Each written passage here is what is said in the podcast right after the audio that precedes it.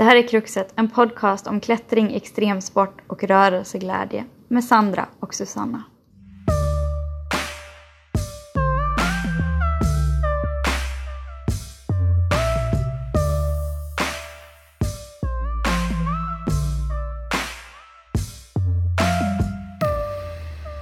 Okej, är vi igång? Ja.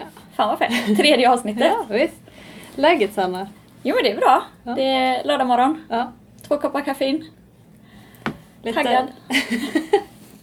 du har redan druckit eh, några, några baljor alltså? Ja men jag har hunnit med det. Jag har eh, morgon, morgonkaffe med en kompis på, på lördagar ibland. Ja. Så att, eh, jag har ändå varit uppe i ett par timmar nu. Ja men det är bra. Det är bra. Mm. Jag har också vaknat lite för tidigt i morse tror jag. Jag kunde inte somna om. Men eh, det blir så ibland.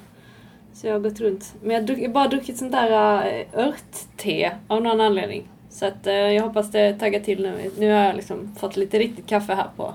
Vi sitter på KC. Som dricker bästa kaffet. Så då, då kommer allt på ordning igen. Och Varför är du lite seg idag? Blev det sent igår?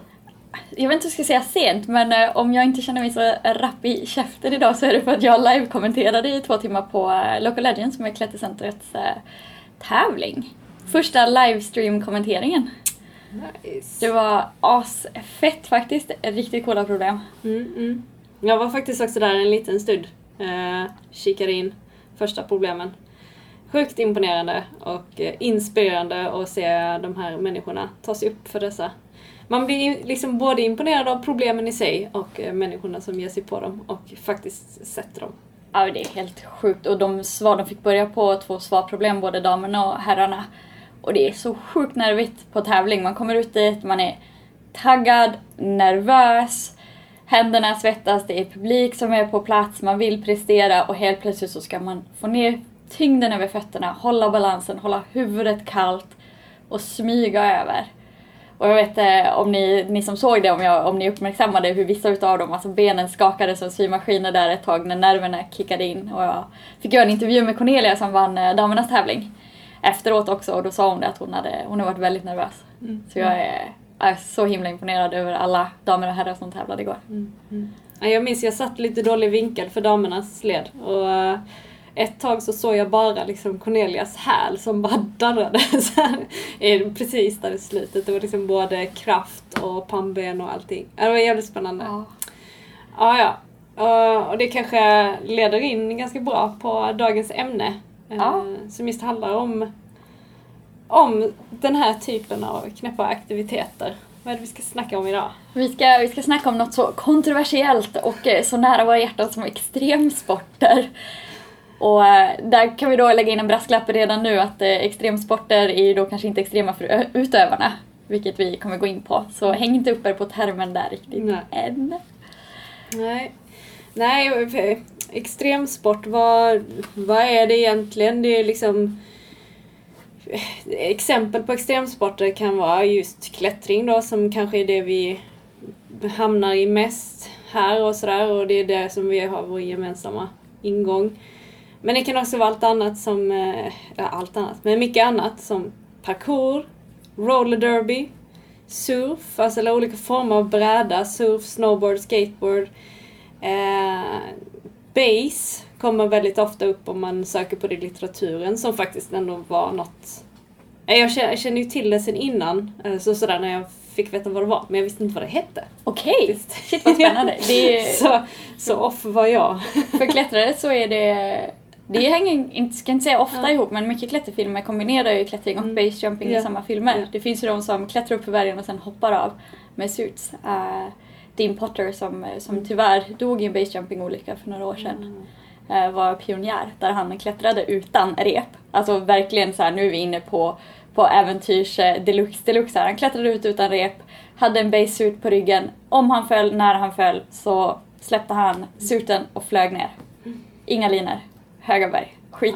Alltså helt galet. Och det är väl också den här när man är som en sån liten flygekorre och bara... Ja. Alltså det ser så himla roligt ut. Han hoppade också med sin hund på ryggen, det var helt sjukt. Den hunden hade gjort liksom fler basejumps än många andra. Ja, alltså Whisper som, tror jag. som Ja. ni kommer märka här så är vi inte liksom... Det, kommer, det är väldigt många olika sporter som kommer dyka upp, eller aktiviteter ska vi säga.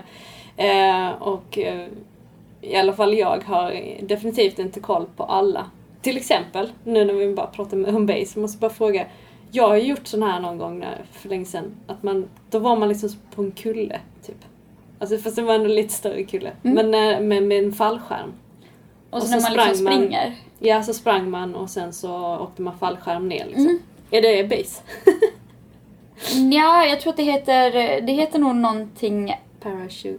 annat. Wing, shooting, wing, flying, något sånt. Jag har inte riktigt helt koll. Men det, det tillhör extremsporterna. Ja. Det är inte riktigt, det kan ju vara base om Susanne har också extremsportat.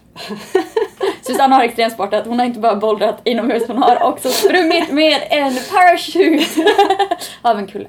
Ja, men jag tycker det är skithäftigt. Jag, en kompis eh, farsa både klättrar och den här gubben är liksom 60 bast. Han både klättrar och reser då runt med sin sån här liten flygdrake som han springer av kullar med och flyger och kraschar in i grejer med. Det är Ja. skithäftigt. Mm, Okej. Ja, det- men eh, så, som ni hör så tycker vi det här är väldigt spännande. Och det är Mm. liksom, behöver inte, och det, det, beroende på vad man läser och så, så kan saker och ting liksom smälta in. Jag kommer från en dansarvärld och kan många gånger se många paralleller med breaking.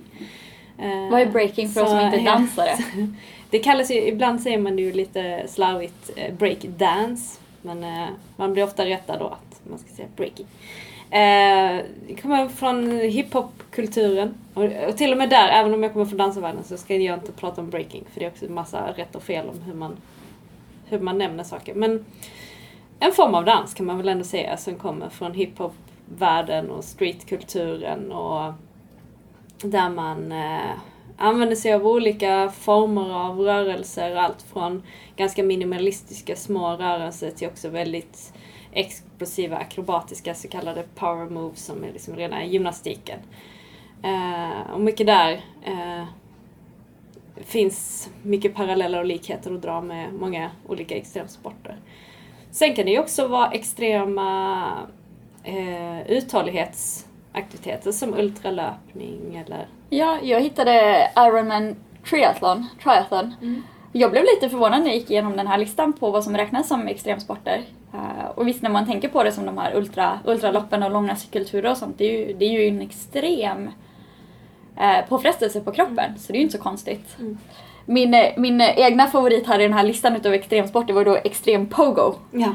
Som jag var tvungen att googla och det verkar vara som en sån här stylthoppare, som man, liksom, en fjäder som man studsar upp och ner på som man hade som barn som de sen gör en massa tricks och konster med. Helt sjukt. Jättespännande om ni har tråkigt en eftermiddag, gå in och kolla på videos av olika typer utav eh, aktiviteter som kan anses extrema för andra. Jag får bara någon slags bild av eh, tiger i Nalle Puh eh, framför mig. Men, Ja men det är något åt det hållet det är faktiskt. lite så. Ja. Alltså det var, Okej. ja, det var spännande. Eh, spenderade typ en timme med att titta på de videorna. Häftigt. Live. Men ja, det finns liksom inte heller någon fix färdig definition för vad som är extremsport. Något som, men det är vissa saker som kommer lite återkommande. Jag läste en artikel, eller en editorial i, av um, Brimer et al. från 2020, så den är ganska ny, där de liksom pratar om eh, just det här att förstå extremsport och vad, vad det är för någonting. Um, men, eh, och de tar ju upp då att eh, lite så här återkommande saker som man ser är väl också att det är extremt på något sätt. Det är extremt långt eller extremt högt eller extremt farligt. Eh, någon form av äventyrskomponent kommer ofta med. Där är liksom, det är lite action i det hela. Eh, hög risk på något sätt. Att det ska vara lite alternativt, att det är lite outliers som håller på med detta. Man vill vara lite alternativ kanske också med det. Um, så det är väl liksom de här eh, kanske fördomarna man kan ha kring vad det är, eller liksom bilden man kan ha av vad det är. Um, I alla fall om man ser längre tillbaka så var det ju ganska Alltså det, det, det är inte nödvändigtvis eh, en tävling det handlar om om man håller på med det. Att man, man ska spela matcher eller ta medaljer eller så. Men det kan vara det också.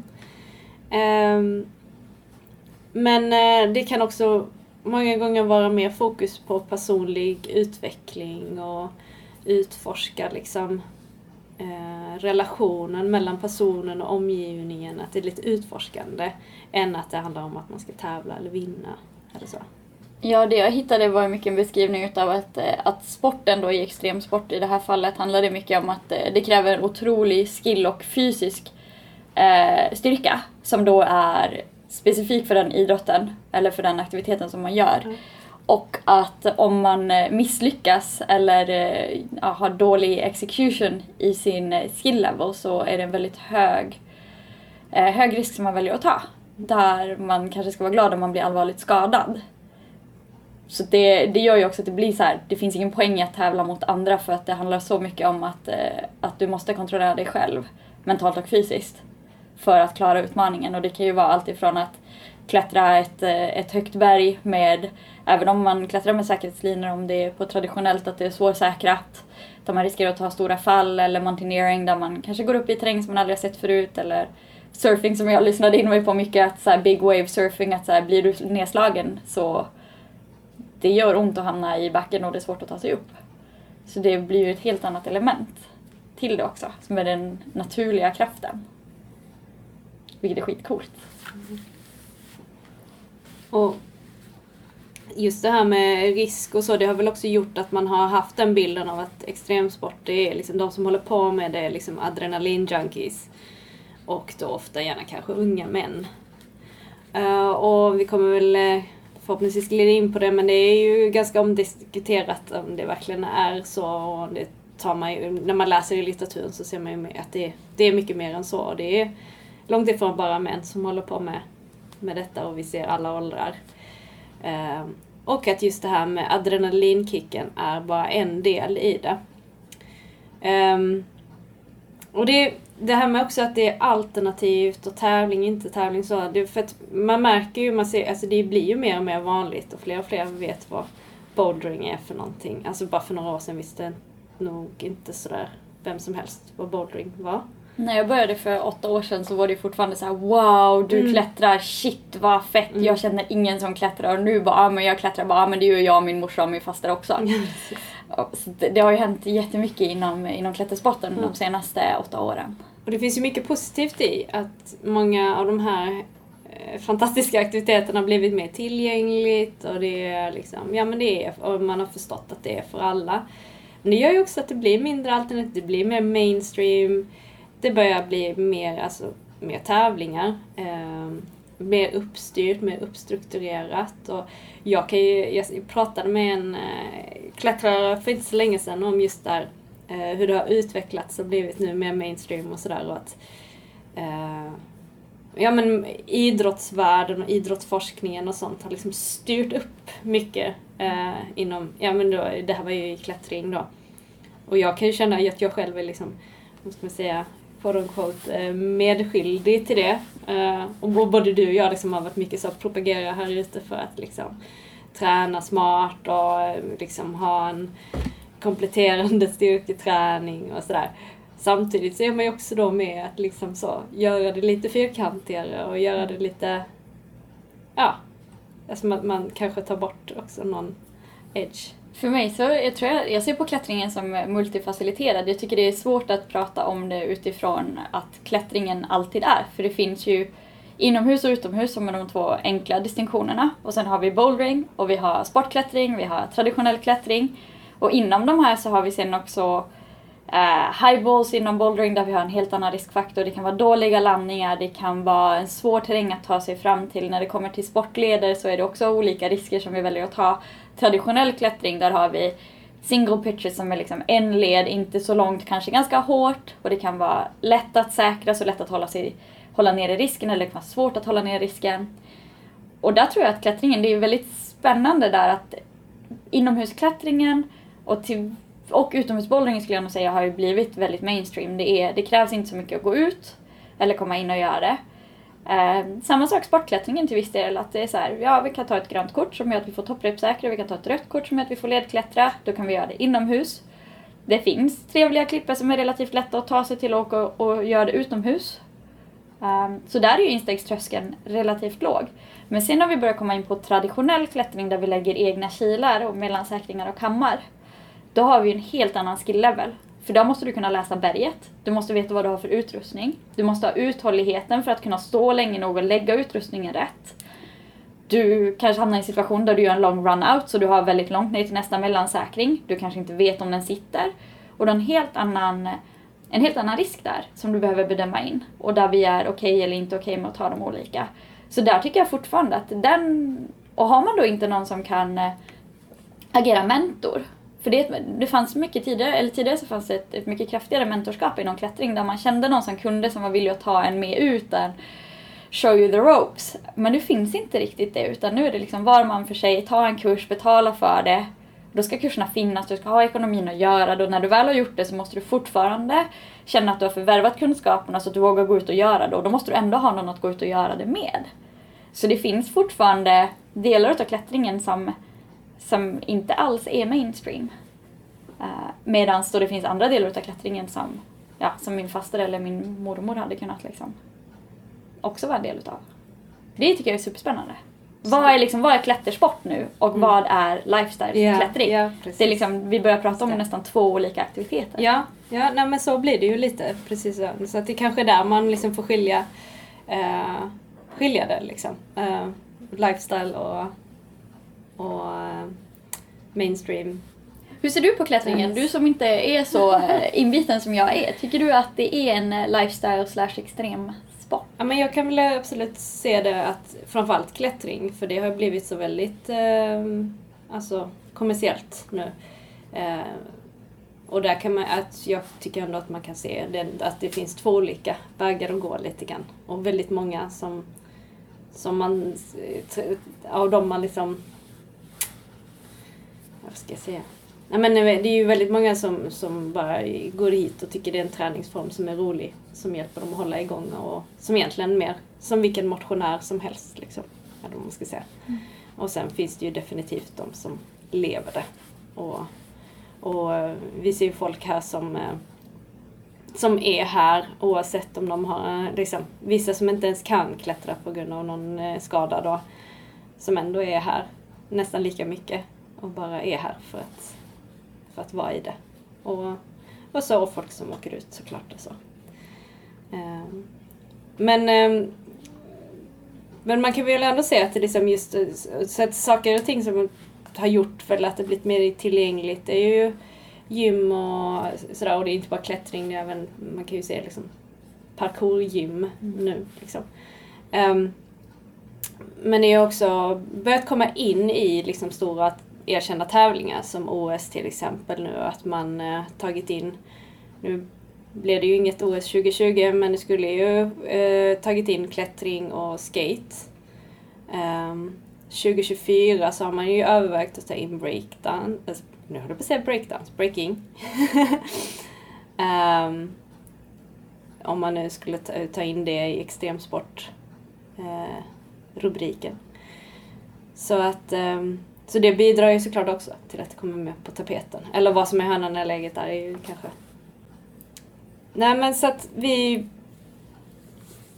Vi har väl fastnat lite för den här genren extremsport och vi har det, det vi säger ju i vårt intro också att det är det vi pratar om. Och det är det vi vill prata om i den här podcasten och det... Eh, och det var väl lite för att vi satt och diskuterade vad är det för grupp vi vänder oss till, vad är det för, för någonting vi, vad är det för nisch vi har. Och om vi då radade upp de eh, aktiviteter som vi tycker är intressanta och som vi jobbar med så, så var liksom extremsport den bästa rubriken att lägga på det. Även om det täcker in kanske lite mer och inte allt på samma gång. Jag tror det vi var inne på var ju lite så här, när, när det blir mer än en aktivitet för utövaren. Det blir liksom en livsstil och det blir svårt att skilja sig ifrån och då klättring eller surf eller skate eller breaking och men även eh, som musiker som du är lite mer ja. inne på, vem vad jag är. För min, eh, min nisch är ju egentligen från början scenkonst eller artister och då har jag ju märkt att jag har börjat liksom dra mer och mer paralleller mellan, jag, jag ser jättemycket likheter mellan en musiker och en, eh, ja men en klättrare. Eh, eller någon som håller på med parkour. Att det är just det här att man jobbar extremt hårt och med sin kropp. Men man ser inte riktigt kroppen som det primära på samma sätt som kanske andra idrottare gör. I alla fall som, som jag, i, i min erfarenhet. Um, man ser inte nödvändigtvis på sin aktivitet som en sport eller en idrott. Um, och, uh, och just att tävling inte är det primära fokuset. Uh, utan det är liksom utövandet och mm. samma, samma kan jag se hos musiker och såklart hos dansare också då. Ja, jag har några vänner som är, nu får jag kanske äta upp det här sen för nu drar jag det här bara ur huvudet. Men eh, några vänner som är parkourutövare som pratar mycket om att be strong to do good. Att de, det handlar inte om att de vill se bra ut eller vara nödvändigtvis fysiskt starka för att det är styrkan i sig utan de, de vill kunna hjälpa eh, Eh, sina vänner eller några av dem jobbar som eh, och vad heter det, de är, de, är inte liksom, de är inte utbildade brandmän men de jobbar som frivilliga brandmän i olika länder. Och just det här att det, för dem så är det viktigt att eh, de har en förmåga och de har en drivkraft, en passion för att hålla igång och sen så vill de använda då den kroppen som de får ut av den här personen till att, eh, till att göra bra saker för andra människor. Och det tycker jag är väldigt fint. fint. Och jag kan inte så mycket om parkour-communityn utan det här är liksom bits and bobs som jag har fått mm. tilldelat av mig, eh, av mina parkourvänner. Det är något som, som jag jättegärna hade velat sätta in mig lite mer i. Mm. Mm. Nej men eh, det kanske egentligen leder in lite på det här vi också tänkte upp att alltså vad är det som gör att man vill hålla på med extrem, extremsporter eller de här olika aktiviteterna. Och det är ju något som också eh, nosas på mycket inom forskningen och man liksom undrar vad, vad, vad får folk att vilja hålla på med det här. Och, och då hittade vi lite olika eh, litteratur på ämnet. Jag hittade bland annat den här An Exploratory Study of Multis for Participation in Extreme Sports and Physical Activity med Su et al. från eh, 2019. Eh, och de eh, ringade in lite olika liksom, motiv eh, när de då eh, pratade med, eh, de intervjuade 14 olika utövare, får jag väl kalla dem, eh, av bland annat klättring, olika, olika former av klättring, Ice, isklättring, bergsklättring, också paragliders och downhill bikers ja, förlåt att det blir lite så engelska nu. Men, ja. Um, och de, så här, i sin inledning så pratar de just det att man, man har i tidigare andra studier sett, liksom om man kollar på olika, olika fysiska aktiviteter så verkar man ha lite olika former av eh, drivkrafter. Som till exempel individuella idrotter har man tittat på och då verkar det vara mycket driv, driven av kompetens, intresse, glädje. Um, i fitnessgrenar så är det mycket kroppsliga eh, drivkrafter. Man vill liksom kanske estetiskt se ut på ett visst sätt eller liksom fysiskt kunna lyfta. I lagidrotter så handlar det mycket om anknytningen och det kan man ju verkligen tänka sig att det måste vara en jättestor grej för de som håller på med, med lagidrott. Um, att vara ett lag, att jobba tillsammans med ett lag. Uh, det är väldigt speciellt. Eh, någon eh, studie har kollat på racketsporter och där, där var tävling, tävlingsmomentet en stor grej. Liksom att vinna mot någon annan. Eh, man, man tävlar ju liksom ja. två mot varandra sådär. Eh, sen finns det ju liksom motionärer och sådär som, som där handlar det ju kanske om, om att må bra och ha kondition och känna sig stark och, och sådana bitar. Eh, martial arts kampsporter verkar väldigt drivna av liksom mastery, att liksom behärska, klara eh, uppgifter. Eh, så. Ehm, men, så de ville ju då nysta lite i liksom motivation, drivkrafterna hos extremsportare. Eh, hann du läsa den här också? Mm, jo men den läste jag. Du läste också? tyckte det var, det var spännande. Den fick ju lite, lite egen kritik där i vilka de hade valt ut och att de var ganska begränsade i vilka de hade lyckats tillfråga. Och så det, det tyckte jag var lite spännande. Jag tyckte det var, det var mycket intressant i, diskussions, i diskussionspunkterna sen. Och det, de, det jag tror de identifierade framförallt för, för de här lifestyle-sporterna som unikt var ju då något som de kallar för vertigo mm. och eh, catharsis. Precis. Som då handlar om att man också ska få någon form av vertigo, någon form av thrill. En illamående, nervös känsla. Man har liksom ställt sig på edgen och precis inte ramlat ner. Och det i sin tur skapar då en, en jättekraftig, ett jättekraftigt känslopåslag. Mm. Eh, adrenalin och massa andra eh, saker som kommer ut. Och det här catharsis eh, som du kollade upp definitionen på, så det kan du bättre än vad jag Mm. kan här kanske. Ja, alltså som, som katarsis, att man liksom får en känsla av renande eller en rensning. Och det kan ju vara att man bara rensar ut tankar, rensar ur stress. Man får liksom en, en release. Um, så att vertigo och katarsis var liksom de här två specifika drivkrafterna. Men man hittade egentligen totalt sju drivkrafter från de här eh, utifrån, som man alltså kunde dra ut det från de här intervjuerna. Mastery, enjoyment, eh, fysisk kondition, psykisk, alltså det mentala hälsan. Att man känner liksom sig avslappnad, eh, får ett eh, bättre mentalt status, eh, man blir mer re- resilient, alltså liksom man utvecklar någon slags mental Motståndskraft. Motståndskraft, tack. Ehm, och sen så, men också att man kanske gör det för, på grund av andras förväntan och det kan vara allt från att man jobbar med det till exempel. Men också kanske lite att man eh, känner utifrån att andra, ja man har liksom satt på sig den hatten och så vill man liksom fortsätta bära den. Affiliation, att man, eh, ja, kopplar till, eh, man är ankny- anknytning igen, alltså anknyter till andra.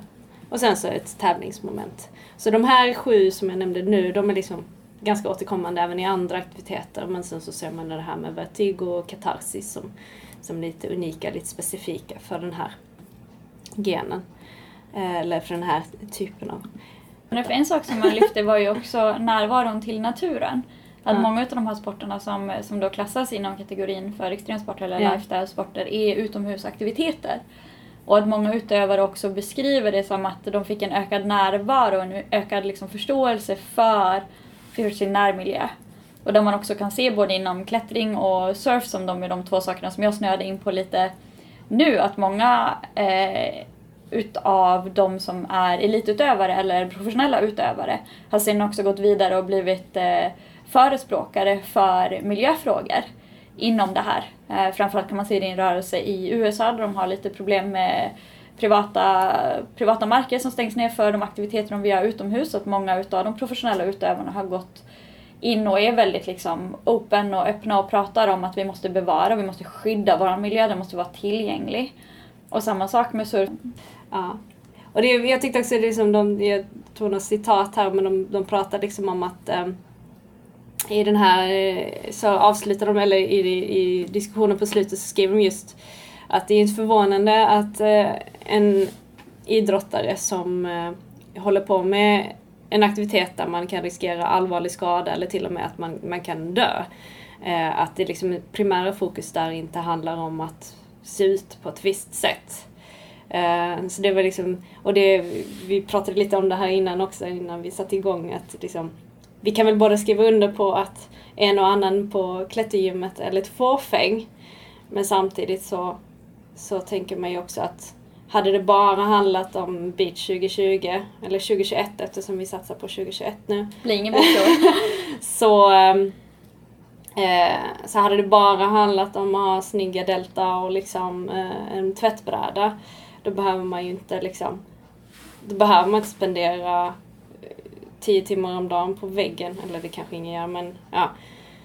Utan då kan man ju också bara stå med några hantlar och tänka lite på vad man äter. Det är liksom, så att det vore ju lite av en omväg. Eh, Så det, det måste ju vara en annan drivkraft som är den primära. Mm. Eller om man, man liksom hänger där på, på väggen 200 meter upp i en halv taskig kil och så bara shit alltså jag har inte satt på mig sminket idag. Den är jobbig. Ja, jag vet. Ehm, Bara man ställer sig och sminkar sig där och det funkar inte alls så jättebra i motvind. Nej. Ehm, Just det. Nej men det, det känns som att det finns mycket mer till extremsporter och sen att, eh, att också många av de här sporterna kräver en ganska hög fysisk eh, förmåga som gör ju att eh, de som utövar de behöver ha specifik styrka. Mm. Vilket inte är samma sak som att ha beachbody 2021 Nej. enligt eh, fitnessmagasinen. Utan det kan ju vara muskler på ett sätt eller uthållighet i muskler på ett sätt som vi inte ser Mm. heller. Och har man liksom sett ett par klättrare, klättrares händer till exempel. Eller för den delen skulle en balettdansares fötter på nära håll. Då vet man att det kanske bara handlar om skönhet. Tack för den. Ja, har du sett på balett, balettdansares fötter? Jo, äh, klättrares fötter är ju inte Ja, heller det. det Nej, det um, kan ju slå ett slag för att eh, ta era fötter ur klätterskorna och eh, ju mindre skor ni har desto bättre klättrare blir ni alltså inte. Ta hand om er fothälsa. Mm. Vi diskuterar, jag har suttit med och tittat lite grann på skadestatistiken från Klättercentret. Mm. Jag tycker det är jättespännande. Jag vet inte om jag tog upp det på förra podden också, det gjorde jag säkert. Ehm, Men just att eh, man har sett en ökning av benbrott i de små benen i fötterna Mm. hos klättrare. Och, och det här det var ju bara ett samtal mellan eh, Klättercentrets eh, ja, Headquarters. headquarters och eh, kallar det för headquarters eh, och eh, Huvudkontor. huvudkontoret och Exakt. en läkare. Och där läkaren då hade en teori om att det är det faktum att vi har så små skor, vilket gör att när vi faller så kan inte då benen expandera så som de borde göra, vilket istället gör att de krockar med varandra och så spricker de. Mm. Vilket gör att klättrare har ganska ofta kommer in med komplicerade benbrott i jättesmå ben inne i fotleden. Och det är många klättrare som har ramlat utomhus och skadat sig allvarligt har nog haft eh, en, ett litet chip eller ett helt brutet ben. Vi är tre stycken som gjorde det här förra året bara. Med typ jag och en kompis samma dag, olika fötter. Kul. En månad senare en annan kompis eh, som också fick ett benbrott i foten. Mm. Så var lite snälla mot era fötter. Som en liten instickare. Ja. Och eh, i den här, eh, och åter till den här eh, eller, artikeln eller studien vi kollade på. De, de avslutar i alla fall med att eh, även om de här två Vertigo och Katarsis kom ut så var det också summerar de med liksom att det var uppenbart att deltagarna i den här studien såg just eh, mastery, enjoyment och eh, psychological condition eh, som de liksom nyckelfaktorerna för att de höll på med det de gjorde. Så det var liksom ändå det primära. Jag tycker det är lite spännande. Jag läste, eller jag läste inte, jag lyssnade eh, på en ljudbok för jättelänge sedan. När jag åkte bil med en person som jag inte ens vet namnet på. Eh, och den här boken handlade om eh, hjärnans aktivitet eh, i förhållande till, eller med definition på, på ångest och stressfaktorer och så. Och en av de personerna som de intervjuade i boken och eh, som också var ett testsubject är Alex Honnold. Som då är väldigt känd klättrare från filmen Free Solo, eh, om ni inte vet vem han är. Ehm, där man tittade på amygdalan som är en del av hjärnan och hur den aktiveras när man känner sig rädd. Och att personer som har ångest eller känner mycket oro har en överaktiv amygdala. Och personer som då kanske skulle kunna beskrivas som orädda har en lite lägre aktivitet på amygdalan. Och då var han liksom noll en av dem som man kan säga att hans amygdala är inte sådär superaktiv, den finns där. Ehm, och att adrenalin har en hämmande effekt på amygdalan. Vilket då gör att personer som är oroliga eller har ångest kan få en ångestdämpning genom att eh, utföra aktiviteter som skapar ett adrenalinpåslag. Vilket då egentligen går emot det här man pratar om adrenalin junkies, att det bara är adrenalinstinna tonåringar som håller på med det här, utan det kan faktiskt också vara personer som upplever någon form av oro. Och det tänker jag koppla tillbaka på det du sa här om att man känner en, en avslappning efteråt, att den här katarsis eller att man har en mental avslappning, att, att det kommer mycket av att, eh, att det här ger en eh, adrenalinutsläpp ger också den här frigörande känslan efteråt för att du får en liten dämpning av ditt oroscenter. Just det här med liksom eh, mental eh, hälsa eh, är något som är liksom återkommande. Och eh, det man liksom, för man har, man har ändå kunnat, alltså man har ju liksom väl haft någon form av erfarenhetsmässig eh, känsla av att det finns eh, hälsoeffekter att bringa ur eh, att hålla på med de här typen av aktiviteter. Och, ehm, och då är det mycket just så mental hälsa som kommer in. Ehm, och i den här första editorialen som jag läste så punktade de upp flera flera bitar som att man eh, upplever positiva känslor, man får skapa mer motstånds, motståndskraft och ehm, man får ehm, positiv relation med naturen och omgivningen.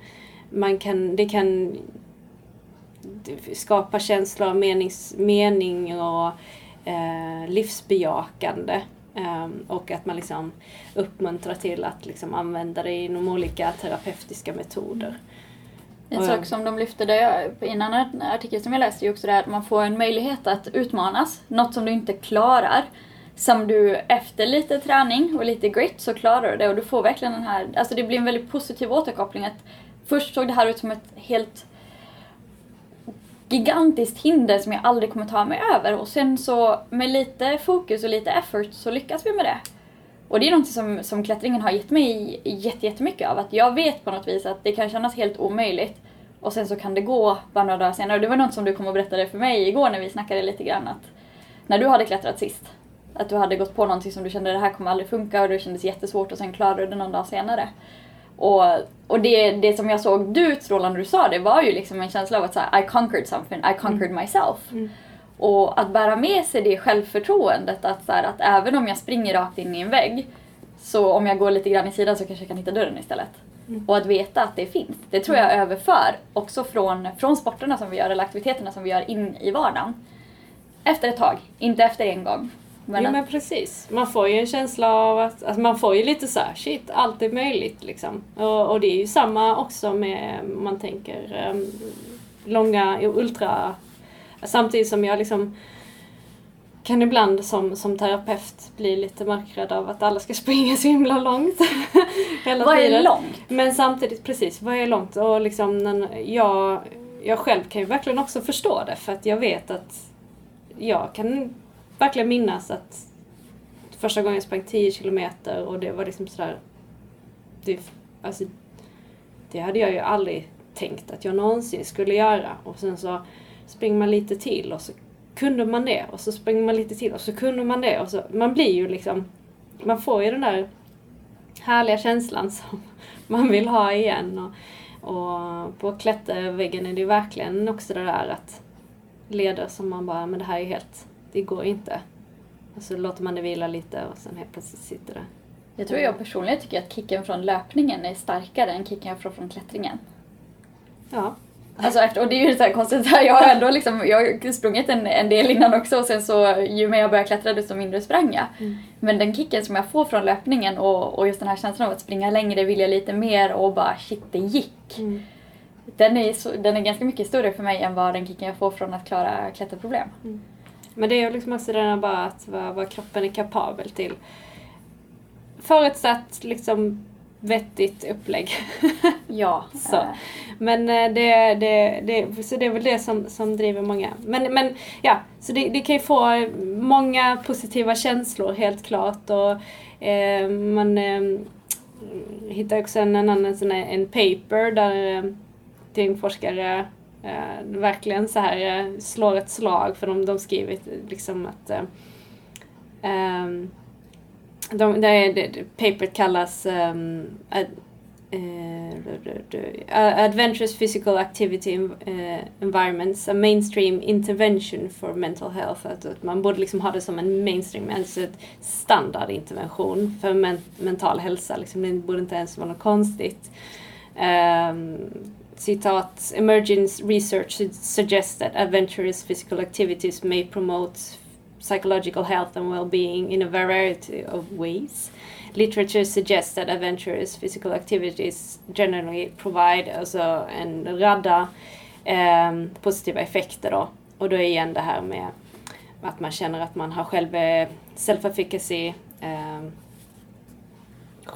självbestämmande. Självbestämmande pratade vi om innan. Eh, man har liksom eh, får en känsla av motstånd, man får en känsla av just det att man kan klara, klara utmaningar och eh, sen så nämner de också något som vi har nämnt tidigare när vi har pratat om motivation, att det skapar optimala förutsättningar att just känna egenbestämmande, kompetens och eh, eh, relatedness. Eh, i Ja, svenska ordet. Relatedness helt Ja. enkelt. Det är svårt det här med Anknytning. Anknytning pratar vi om ja. Eh, och sen igen det här eh, att man är connectad till naturen och eh, Ja, och, men sen är det också en hel del fysiska, fysiska bitar också som såklart är bra också eftersom det liksom kräver en, en fysisk allsidighet. Det kan man väl också säga gemensamt i många av dem. Kanske inte alla, men många. Man behöver lite av allt. Sen är det ju fortfarande inte riktigt eh, liksom inringat på vilket sätt. alla de här effekterna kommer in och det återstår för, för vidare forskning. Mm. Men ett stort steg är ju att man sen, eh, jag tror det är två eller tre år tillbaka nu, började eh, skriva ut eh, till exempel klättring till eh, patienter på sjukhus i England och jag tror man har börjat göra det i Sverige nu också så man kan få det utskrivet på recept att gå och klättra. Mm. Eh, framförallt mot depression. Mm. Och det är något som man då börjar testa mer och mer i England där det också nu finns ganska mycket initiativa grupper som jobbar med climbing out of depression som, eh, som just eh, bouldering då som ett sätt att hantera eh, sitt välmående. Och också ett, eh, ett läste för, för ganska länge sedan nu när man har börjat titta också på, på bouldering framförallt som en aktivitet för barn med autism.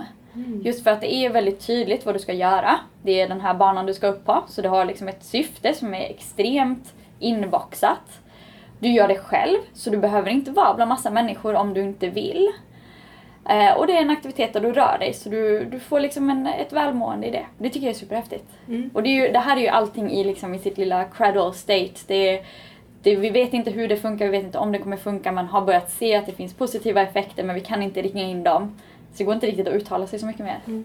Men det, det är ju jättehäftigt. Det är jättespännande och det är ju verkligen ett område, så, men nu tänker jag på det här med fysisk aktivitet på recept och så som vi ändå har i Sverige, att man kan liksom också rikta in det där och tänka på det också liksom i, inom vården. Att, eh, eh, och liksom, ja, eh, bouldering, behandla depression, skithäftigt. Ehm, och en annan, eh, något annat som jag kom över är det här med adventure therapy.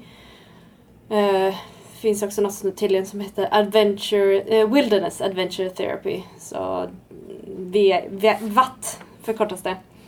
Um, och då har man liksom ett helt upplägg då när man är, man är ute i naturen, man gör olika, det kan vara eh, vad heter det, sån här eh, flodforsränning och det kan vara klättring och det kan vara ute i naturen och kampa höll jag på att säga, men ja, överleva kanske. Med och utan eh, familj och så också för att eh, skapa en koppling där. Och där har man också sett spännande resultat, framförallt när det kommer till eh, personer som faktiskt har lite alltså, kliniska fastställda diagnoser. Där kan man se positiva resultat. Så att extremsport som terapi kanske kan vara något Framtiden. som kommer. Jag, jag kom över ett, eh, en, en, ett papper också där de pratar om just här varför unga dras till extremsporter. För det finns ju en, fortfarande en prevalens att de som utövar de här sporterna som anses lite extremare är yngre personer. Och att det då kopplade tillbaks till det här liksom självbestämmande rätten, att man kände liksom en master, man kunde bli, man kunde bli skillad på någonting. Och att man också kände en anknytning och helt plötsligt så står du där, du kanske går i skolan, du bor hos dina föräldrar, du har relativt lite självbestämmande över ditt liv. Och så hittar du den här aktiviteten där du bestämmer helt och hållet själv, du tar ansvar för dina risker, du tar ansvar för att du förvärvar de fysiska, de tekniska skillsen som behövs för att genomföra den här aktiviteten. Och den, den känslan som kommer med det att du får äga, du äger helt plötsligt rätten till ditt egna liv. Vilket du kanske inte upplever i andra situationer och sammanhang. Um, det är också lite... Ska vi...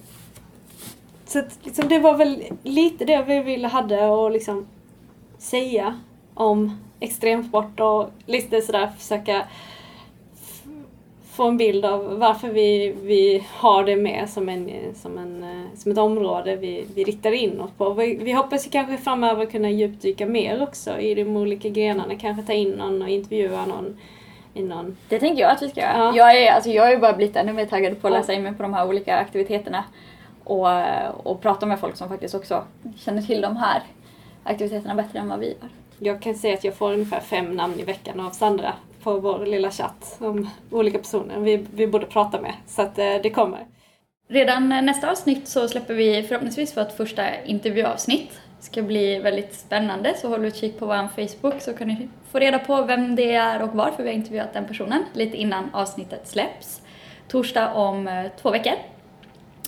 Om ni har några rekommendationer eller tankar kring om personer som ni vill att vi ska snacka med inom ämnet extremsport så är det bara att skicka ett, ett mail till oss via Facebook eller om ni känner oss på andra vis. Hugg tag i oss. Ja. Och vi kan ju summera lite dagens avsnitt här. Känns läge att summera. Eh, så eh, i den här artikeln med Brian Murray så har de också just här fyra punkter kring just extremsport och vad det är som de eh, ringar in ämnet på. Och där menar de då liksom ett att extremsport det är, det kan ge en insikt om vad det innebär att vara en människa. Stora frågor. Ja, verkligen. Ehm, och att det är komplext att definiera vad extremsport är. Det handlar inte bara om att det är hög risk eller farligt, så att det är mycket mer än så. Och att eh, den tredje punkten, att det är för alla. Det är inte bara för någon extrem typ av människa. Eh, och det kan vara givande både inom hälsoområden, utbildning och idrott och även omgivningssektorer. Och slutligen att eh, extremsport då kan bidra till prestation även inom andra områden i livet som både affärs och arbetslivet eller andra idrottsverksamheter. Snyggt sammanfattat. Ja, så vi håller där. Tack för att ni lyssnat. På återhörande.